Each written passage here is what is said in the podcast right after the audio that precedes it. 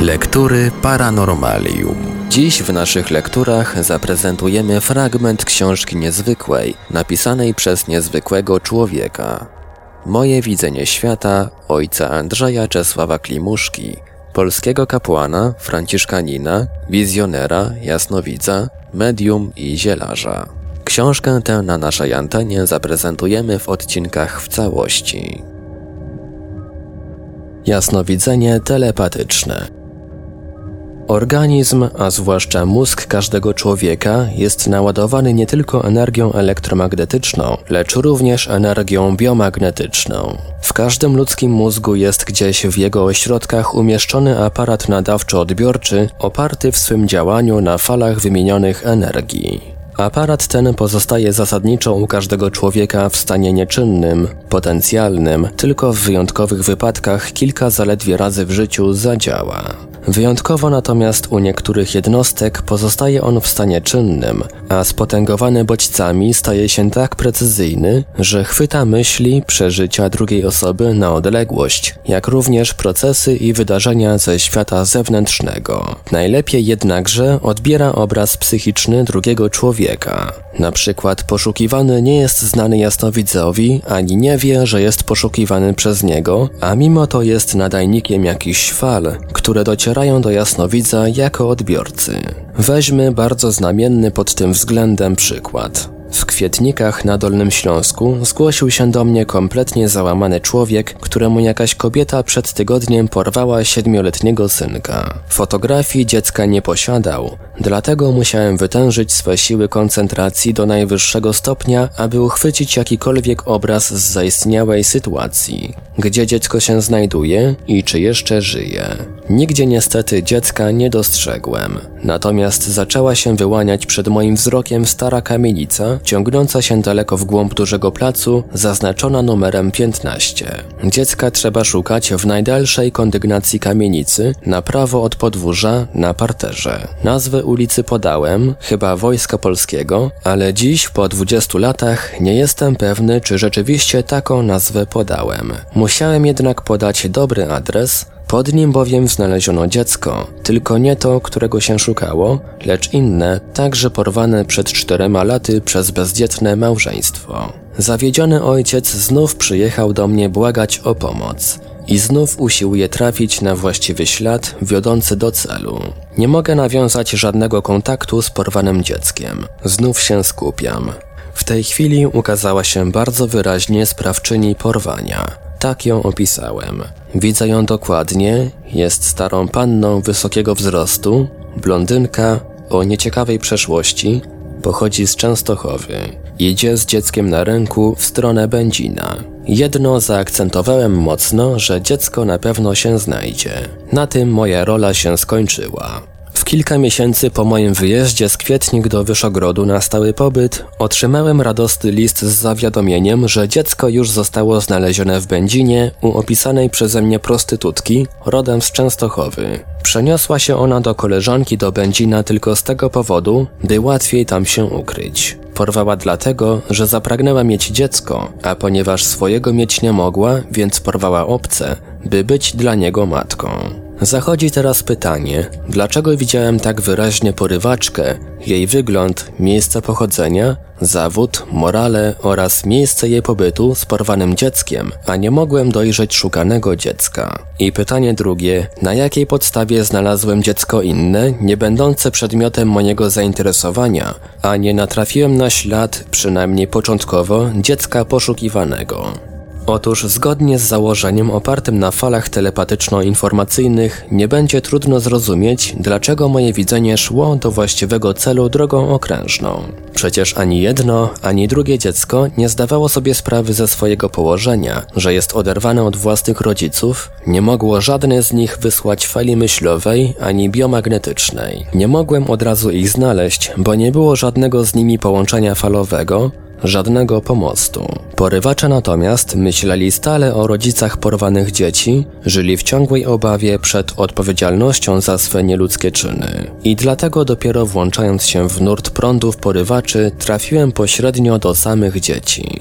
Spróbujmy to skomplikowane zjawisko przedstawić graficznie. Wiemy, że wszystkie fale od swojego źródła rozchodzą się w różnych kierunkach, albo w formie koncentrycznych kół, albo szeregowo na wzór łańcucha ogniw, albo sferycznie jak chmury, albo wreszcie promieniście strzałkowo w kształcie gwiazdy.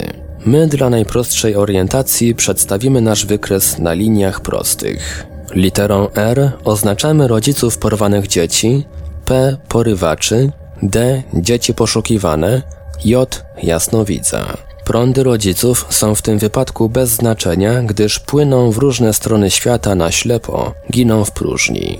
Ze strony dzieci żaden prąd nie płynie, ani myślowy, ani uczuciowy. Pozostałe jedynie w sferze naziemnej prądy falowe i to silne porywaczy, skierowane w stronę rodzin porwanych dzieci. Moje zaś siły telepatyczne biegną także w różnych kierunkach i na swej drodze napotykają strumień prądu porywacza P2, który był silniejszy, jakby podwójny, płynący od dwojga małżonków i po tym strumieniu trafiłem na dziecko numer dwa, czyli przypadkowo. Skoro już teraz jedna linia prądu została skasowana, łatwiej włączyłem się na linię porywaczki właściwej P1 i w ten sposób odnalazłem miejsce pobytu dziecka poszukiwanego.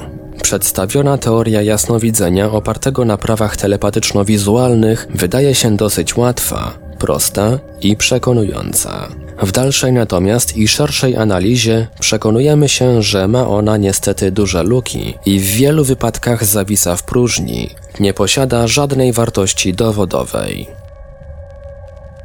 Odbiornik działa bez stacji nadawczej. Ilekroć oglądałem fotografie zaginionych żołnierzy w czasie wojny, to prawie zawsze w wypadku ich śmierci występowało dziwne, niezrozumiałe zjawisko, a mianowicie jednych się widzi w momencie ich śmierci, jak ugodzeni kulą lub odłamkiem pocisku zwalają się na ziemię, krwawią i umierają, innych natomiast widziało się już w grobie, jak jest stopień rozkładu ciała, w jakiej pozycji leżą, nawet jeszcze strzępy munduru są widoczne. Weźmy teraz pod uwagę przypadek pierwszy. Żołnierz śmiertelnie raniony posyła w jakimś ułamku sekundy swą myśl pożegnania do najbliższych. Owa myśl, spotęgowana strachem umierania i wszystkie w momencie śmierci przeżycia przemieniają się w jakąś energię, która znów w formie obrazów telewizyjnych krąży w sferze ziemskiej czy kosmicznej i jasnowic je chwyta. Takie tłumaczenie ma pewne walory przekonujące, ale oto żołnierz z nienacka zabłąkanym pociskiem armatnim zostaje w ułamku sekundy rozniesiony na drobne strzępy. Nie miał czasu na żadną myśl, nie poszła od niego w świat żadna energia, żadna fala telepatycznego prądu. Na jakiejże zasadzie można widzieć śmierć żołnierza w tym wypadku, kiedy nie ma z nim żadnego połączenia? Trudniej jeszcze pojąć, na jakich prawach można widzieć żołnierza leżącego od dawna w grobie. Podczas posiedzenia naukowego w Warszawie podano mi fotografię przedstawiającą mgliście zarysowany kontur pochylonej postaci męskiej na tle ponurego czerwonego nieba. Zapytano mnie, co ja widzę z tej fotografii. Jakiś wewnętrzny przymus nakazywał mi powiedzieć, że jest to żołnierz norweski, lecz mu się oparłem i nic nie odpowiedziałem. Bałem się po prostu strzelić gafę, bo skądże żołnierz? I to norweski. Powiedziano mi wówczas, że na mogile poległego norweskiego żołnierza ukazuje się taka właśnie postać, którą nawet można sfotografować. To ostatnie zjawisko można chyba ująć w ten sposób. Z trupa mogą emanować albo gazy przybierające postać człowieka, albo wydobywają się pewne nieznane nam substancje, które formują w nieznany sposób obraz pogrzebanego i taki obraz również chwyta jasnowic z oddalenia przestrzeni i czasu. Dotychczas mówiliśmy o wizjach jasnowidza dotyczących człowieka zarówno żywego, jak i umarłego. Ale jaką teorią da się wyjaśnić widzenie lub wydarzenia odnoszące się do rzeczy martwych? Do Lubomierza przyjechał do mnie profesor Tobiasz z Krakowa z prośbą o pomoc w odszukaniu zaginionej książki o życiu królowej Jadwigi. W toku naszej rozmowy na różne tematy historyczne profesor podsunął mi sugestywne pytanie, co mogą kryć w sobie podziemia pod prezbiterium katedry na Wawelu. Zacząłem się koncentrować. Wtem wyłonił się przed moim wzrokiem wąski korytarz, idący od apsydy, obok pierwszego filara po prawej stronie wielkiego ołtarza, po naszej lewej ręce, patrząc na ołtarz, skręcający ku nawie bocznej. Zdziwiłem się anomalią widzenia. Przecież, o ile pamiętam z historii sztuki, w budownictwie katedr czegoś takiego się nie spotyka. Bo i jaki byłby tego cel? To by osłabiało podstawę filara. Po środku linii magistralnej prezbiterium wskazałem pod ziemią dwa małe przedmioty. Były to, jak się później okazało, przedmioty królewskie sygnet i małe berło. W jakiś czas później rzeczywiście rozkopywano prezbiterium katedry. Gdy się o tym dowiedziałem, pojechałem specjalnie do Krakowa, aby się przekonać, czy moja wizja była fikcją, czy prawdą. Okazało się, że moje widzenie było zgodne z rzeczywistością. Co wobec tego mogło przekazać do mojej sfery psychicznej obraz rzeczy zakopanej przed wielu wiekami. Wszak po budowniczym katedry i tego korytarza już dawno wszelki ślad zaginął. Nadajnik przed wiekami został zniszczony. Wszelka myśl, energia,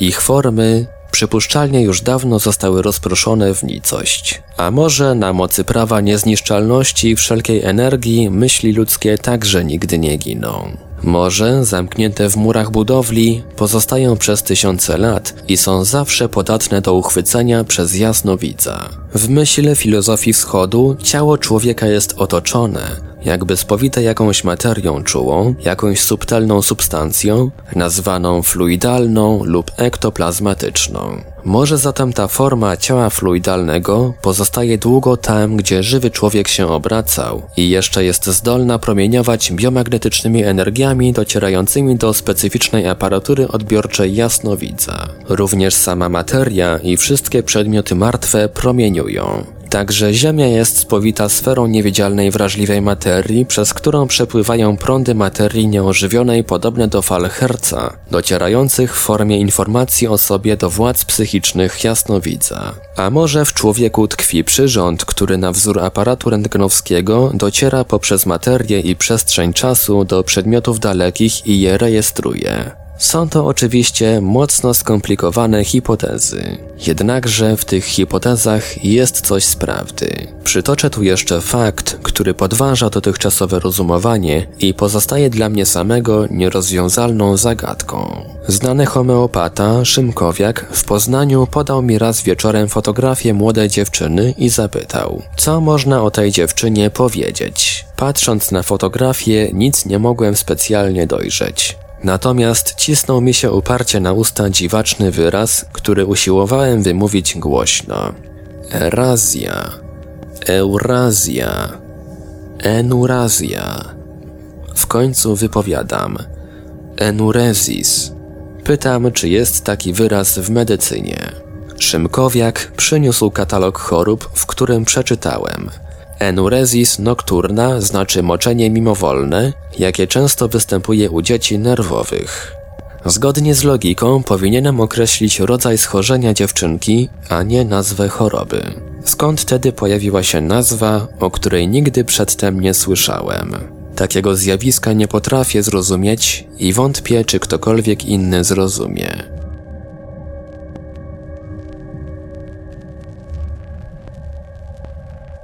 Był to fragment książki Moje widzenie świata ojca Andrzeja Czesława Klimuszki. Dalszy ciąg w kolejnym odcinku Lektur Paranormalium. Lektury Paranormalium